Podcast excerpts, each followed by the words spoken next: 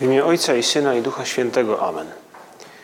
Panie mój i Boże mój, wierzę mocno, że jesteś tu obecny, że mnie widzisz, że mnie słyszysz. Uwielbiam Cię z najgłębszą czcią. Proszę Cię o przebaczenie moich grzechów i o łaskę owocnego przeżycia tego czasu modlitwy. Matko moja niepokalana, święty Józefie, Ojcze i Panie mój, Aniele stróżu mój, wstawcie się za mną. To sobotnie popołudnie, czy nawet już wieczór, jesteśmy blisko Pana Jezusa i powierzamy Mu teraz nasze myśli, naszą wyobraźnię, to wszystko, co mamy w sercu, mówiąc Mu, Panie Jezu, popatrz na to i daj mi do zrozumienia, jak Ty to widzisz, jak Ty na to patrzysz, gdzie mnie kochasz, w, czym cieszysz się niezmiernie, kiedy, kiedy mnie widzisz, gdy postępuję tak lub inaczej, gdy coś przeżywam. I prosimy Pana Jezusa o to, żeby posłał swojego Ducha, Ducha Świętego, którego razem z Ojcem posyła, który zamieszkuje naszą duszę. I prosimy Go, aby ta modlitwa, te chwile rozmowy z Panem Jezusem przyniosły owoc w naszym życiu. Pomóż nam, Panie Jezu, by rozmowa z Tobą nie minęła jak, jak to lato, które w praktyce już się kończy, czy nawet już skończyło. Pomóż nam, aby ta rozmowa z Tobą nie była jak te liście, które zaczynają spadać z drzew. I w ten sobotni wieczór możemy rozważyć teksty, które liturgia podsuwa nam, przypomina. Już jutro, w niedzielę, usłyszymy je na mszy świętej.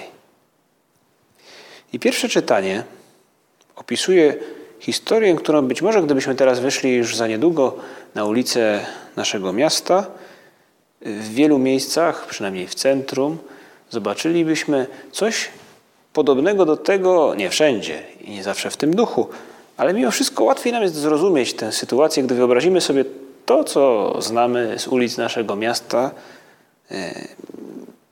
pewną atmosferę w miejscach, gdzie koncentrują się bary, restauracje, gdzie ludzie dobrze się bawią.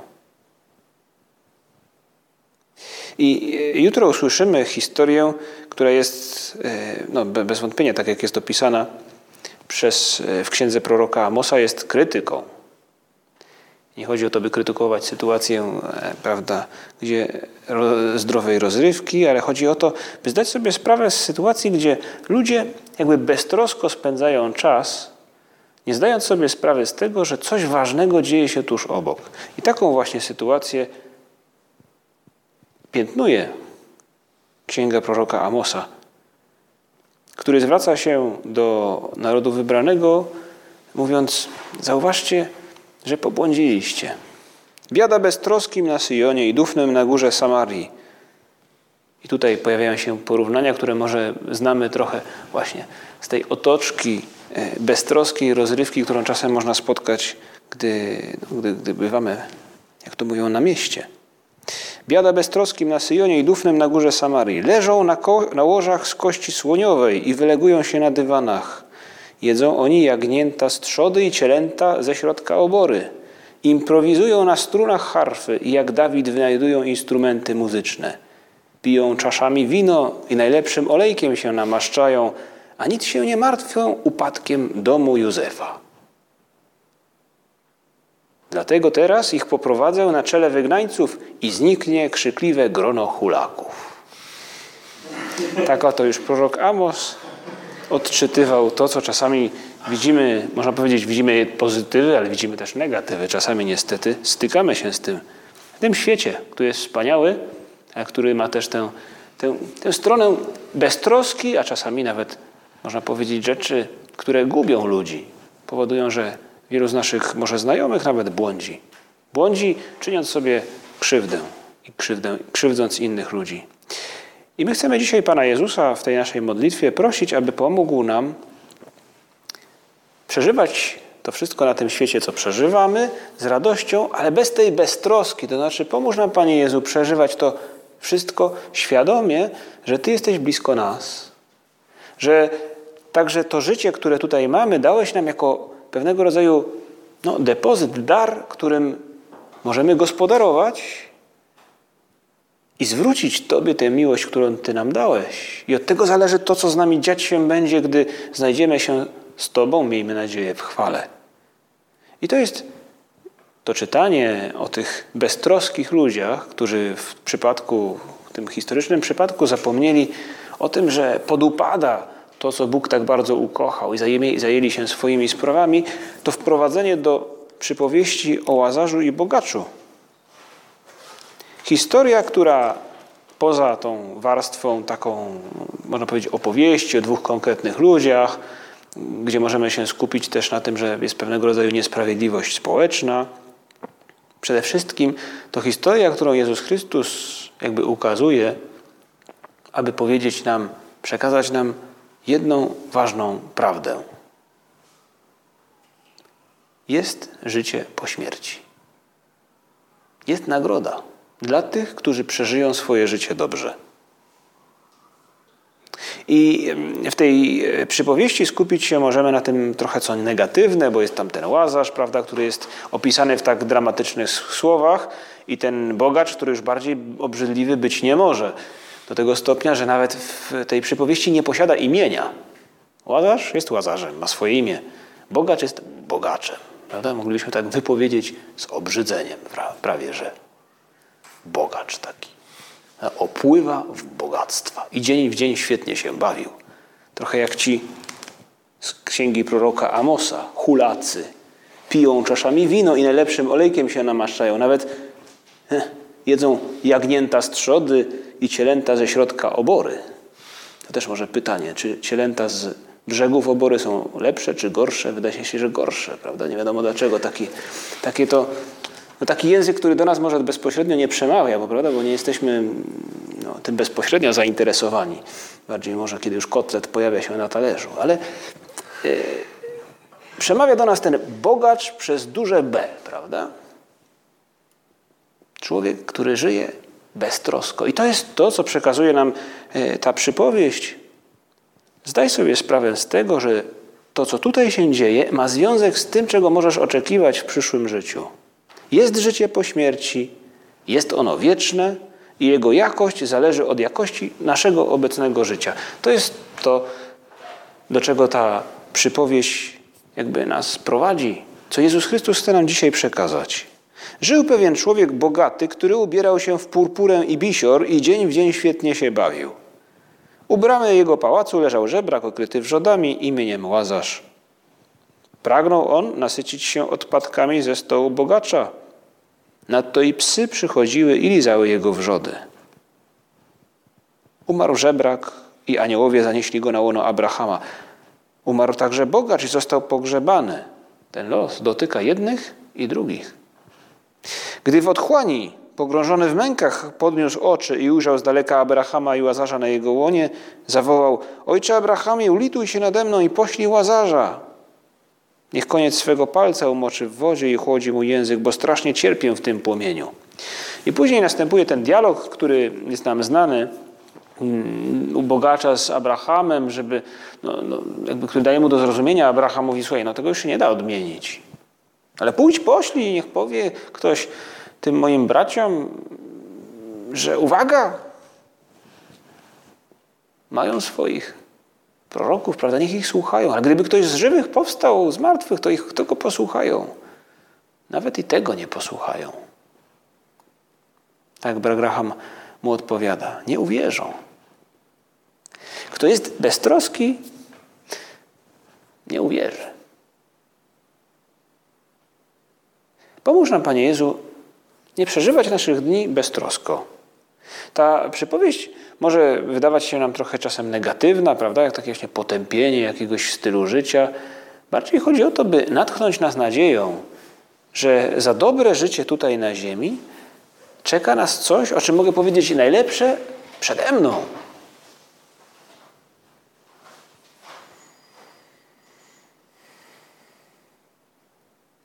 Ale Panie Jezu, czy nie jest trochę tak, że nam łatwo jakby zwichrować trochę ten cel, którym jest przeżyć nasze życie dobrze i, i, i mieć nadzieję na tę nagrodę, którą Ty chcesz nam jakby wręczyć, czy którą chcesz nas obdarować, łatwo nam to umyka, kiedy skupiamy się na tym, co wyłącznie ludzkie. No, trochę tak jak patrzy bogacz. To taki carpe diem w czystej postaci. I nie zawsze musi to być tak super egoistyczne carpe diem, prawda? Jak ktoś, kto się pławi w tym bogactwie i, i, i odziewa się w bisior i purpurę i, prawda? i popija czaszami wino. Nie. Ale możemy być skupieni tylko i wyłącznie na tych sprawach, powiedzmy sobie szczerze, ludzkich, organizacyjnych. No, tutaj przeżywamy teraz remont, prawda, w naszym ośrodku.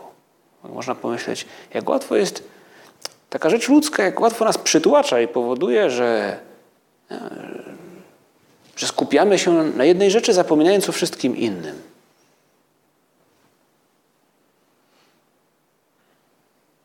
Jak łatwo nam skupić się na tym tylko i wyłącznie, co ludzkie. Dzisiejsza Ewangelia mówi nam, dzisiaj, dzisiaj z soboty, ukazuje nam właśnie podobną sytuację.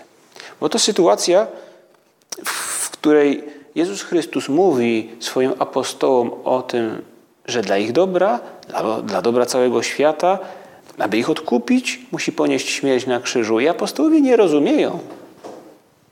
I mówią, o czym, o czym on w ogóle mówi?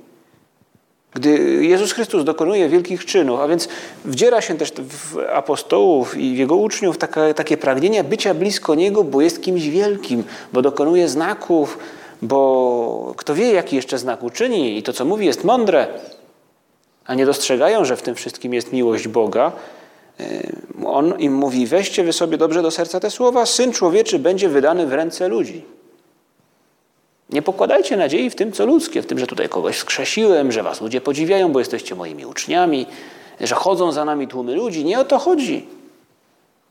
Tutaj chodzi o odkupienie. Spojrzenie z perspektywy Boga, który kocha. Lecz oni nie rozumieli tego powiedzenia, bo było zakryte przed nimi, tak że go nie pojęli, a bali się go zapytać.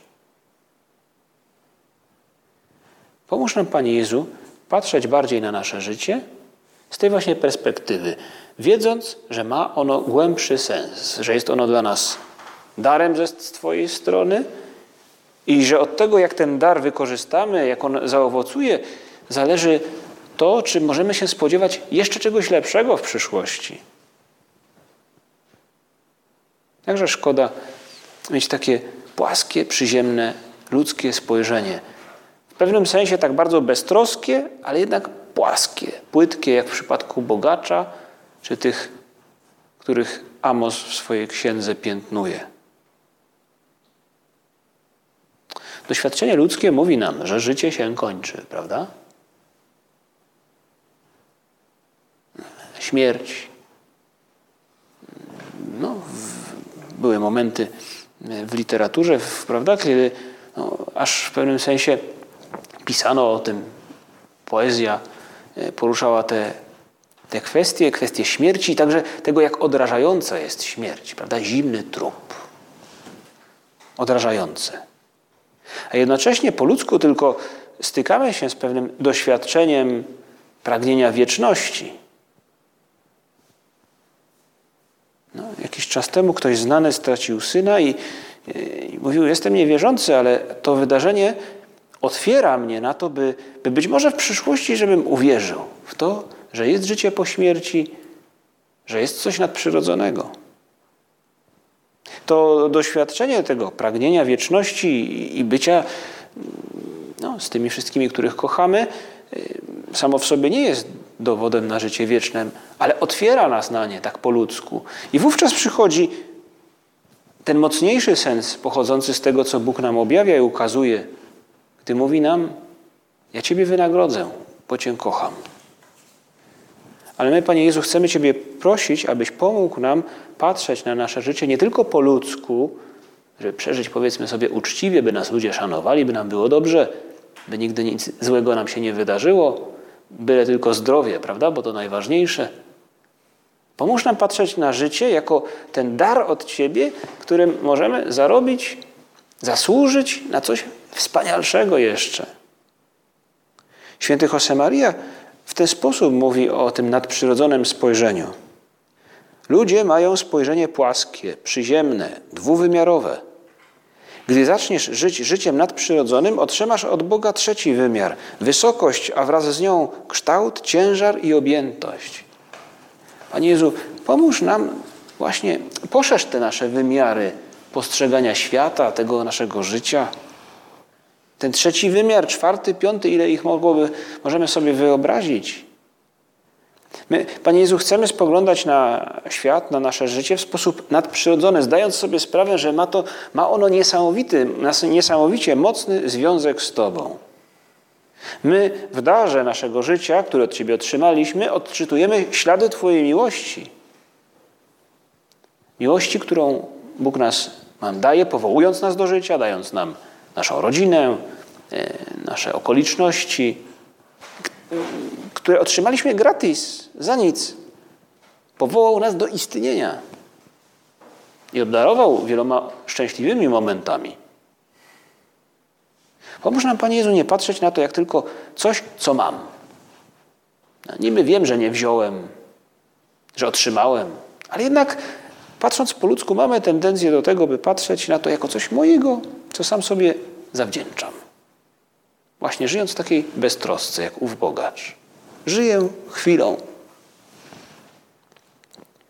A my to spojrzenie nadprzyrodzone z perspektywy miłości Boga pomaga nam zrozumieć, odczytać te Jego ślady w naszym życiu i także zrozumieć, że Bóg wzywa nas, byśmy na tę miłość odpowiedzieli, że ten dar wymaga tego. Bycie szczęśliwym zależy od tego, czy ja na ten dar odpowiem, czy też nie. Będąc jednocześnie w stu procentach radosnym człowiekiem, nie musząc Bogu jakby oddawać czegoś, co stracę. Bóg nagradza nas i niecierpliwie na nas czeka. I taki jest los Łazarza, który będąc biednym, być może łatwiej mu było zwrócić uwagę na to, co istotne w jego życiu.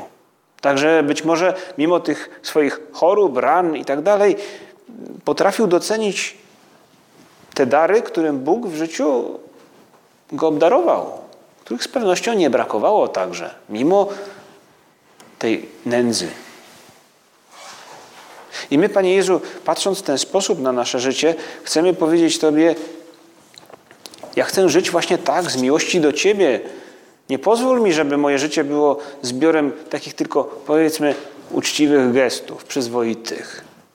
Tak mówi też święty Josemaria. Jeśli utracisz nadprzyrodzony sens Twojego życia, Twoje miłosierdzie stanie się filantropią, Twoja czystość przyzwoitością, Twoje umartwienie głupotą, Twoja dyscyplina biczem i wszystkie Twoje dzieła będą jałowe.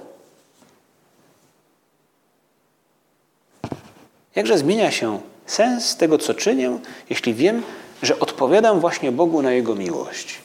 I także, że kochając w czynach, w słowach Boga i innych ludzi, przygotowuję się do tego, by otrzymać coś, co Bóg mi wręczy po mojej śmierci. Szczęśliwe życie przez wieczność.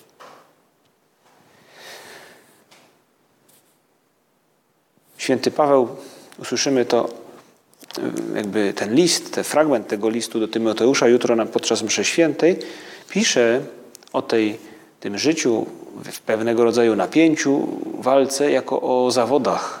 Bo pisze tak do Tymoteusza, człowieka, którego jakby wychował w wierze. Walcz w dobrych zawodach o wiarę, zdobądź życie wieczne. Do niego zostałeś powołany i o nim złożyłeś dobre wyznanie wobec wielu świadków. Mówi mu: uciekaj od próżnych rzeczy, od błędów wiary. Podążaj za sprawiedliwością, pobożnością, wiarą, miłością, wytrwałością, łagodnością. Mówi mu: no właśnie, walcz w dobrych zawodach w ten sposób, postępując w zgodzie z tym darem, który otrzymałeś od Boga. Darem życia, darem szczęścia, darem okoliczności, darem łaski, którym Bóg Cię obdarzył, darem zbawienia. Pomyślmy, niech każdy z nas pomyśli właśnie może teraz, jakie są moje zawody. E, w tym tygodniu, gdy rozpoczyna się rok akademicki, dobrze wykorzystać czas może. Zacząć zajęcia, te wszystkie rzeczy, którymi się będziemy zajmować, no, w sposób odpowiedzialny, porządny, od razu. Może te zawody dla mnie to przeżywać to życie, a więc no, moją pracę, czy codzienne zajęcia w sposób solidny, albo może traktować innych w sposób dobry, być wyczulonym na ich potrzeby, mimo zmęczenia, mimo może tego, że jesteśmy przeziębieni. I popatrzmy na te zawody, które mogą nam się wydawać, zawody ludzkie, tak bardzo właśnie przyziemne, prawda? Jak walka o to, żeby mm, mimo tego, że boli mnie gardło, uśmiechnąć się, gdy z kimś się spotykam. Jak walka o to, żeby punktualnie zabrać się do jakiejś pracy, zamiast może ulec pokusie przeglądania czegoś na Facebooku.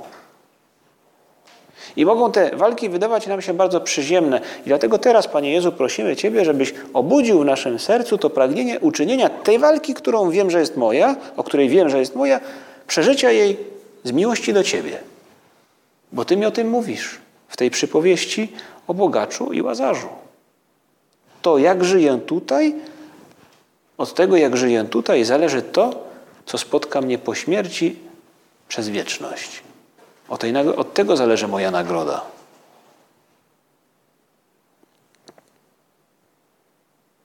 Ta walka, te zawody to może być przemoc samego siebie, e, przemoc się w tym, co dobre. No jest to trud jakiś. Pan Jezus zresztą mówi, kto nie bierze swojego krzyża każdego dnia idzie za mną, nie jest mnie godzien. No, I podążanie za Chrystusem, a więc czynienie pewnych rzeczy z miłości do Niego oznacza też trud, wysiłek, przełamywanie samego siebie.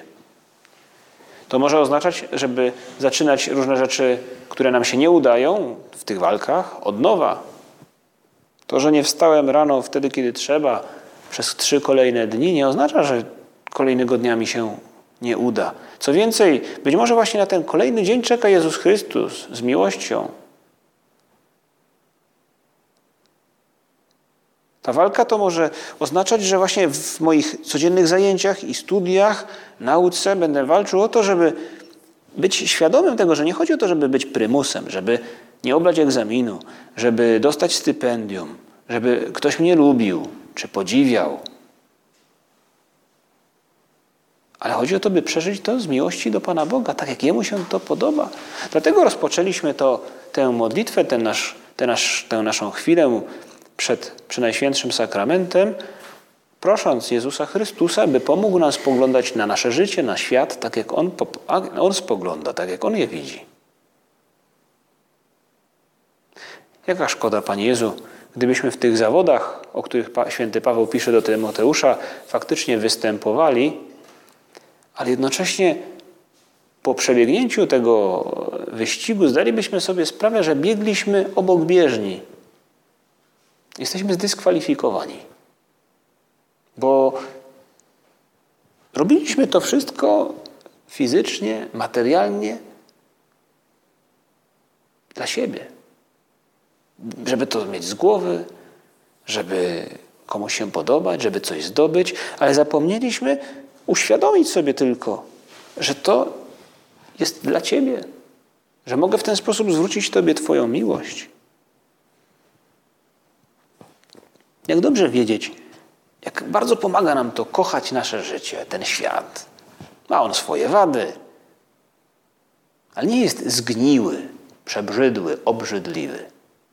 Ten świat jest piękny, ma swoje cienie, ma też, można powiedzieć, nie tylko cienie, ale nawet ciemności. Ale po to właśnie Bóg zechciał, abyśmy w nim byli, aby te ciemności rozjaśniać naszym życiem, naszym przykładem, tą miłością, którą możemy włożyć w naszą pracę i nasze codzienne zajęcia. Pomóż nam, Panie Jezu, uświadomić to sobie, że nasze życie nie kończy się tutaj. Pomóż nam, e, ożyw w nas to spojrzenie nadprzyrodzone, to Twoje spojrzenie. Pomóż nam oczekiwać też radośnie na ten szczęśliwy etap naszego życia, który, na który zasługujemy, starając się czynić to, co trzeba, tak jak Tobie się podoba. To trochę tak jak z wizami do Stanów Zjednoczonych, gdzie w ostatnich tygodniach wszyscy mówią o tym, że no, to już będzie, ale, ale jeszcze nie jest, prawda? No to już, już musiałoby się coś strasznego wydarzyć, aby, abyśmy przekroczyli jakiś wskaźnik odmów wiz i tego typu rzeczy, które ponoć stanowią o tym, że możemy wejść do tego programu. I to jest też nasza nadzieja teraz, że żyjąc w ten sposób, żyjąc z miłości do Pana Boga, przeżywając nasze codzienne zmagania, biegniemy na tej bieżni, na której trzeba i na mecie czeka na nas On, ten, który za nas oddał życie i który to życie, nasze życie, nam podarował. Historia bogacza i łazarza to nie jest bajka dla grzecznych dzieci. To historia, którą Chrystus opowiada, aby uzmysłowić nam, jak wspaniałym darem jest dar życia, jak wspaniałym darem jest dar nieba, jak rzeczywistym jest piekło, piekło i cierpienie przez wieczność, jako utracona szansa. Pomóż nam, Panie Jezu, pamiętać o tym. I prosimy też Najświętszą Maryję Pannę, która od samego początku jej historii, tak jak ją znamy, wie od początku, że to, co czyni, jest odpowiedzią komuś, kto ją niezmiernie kocha.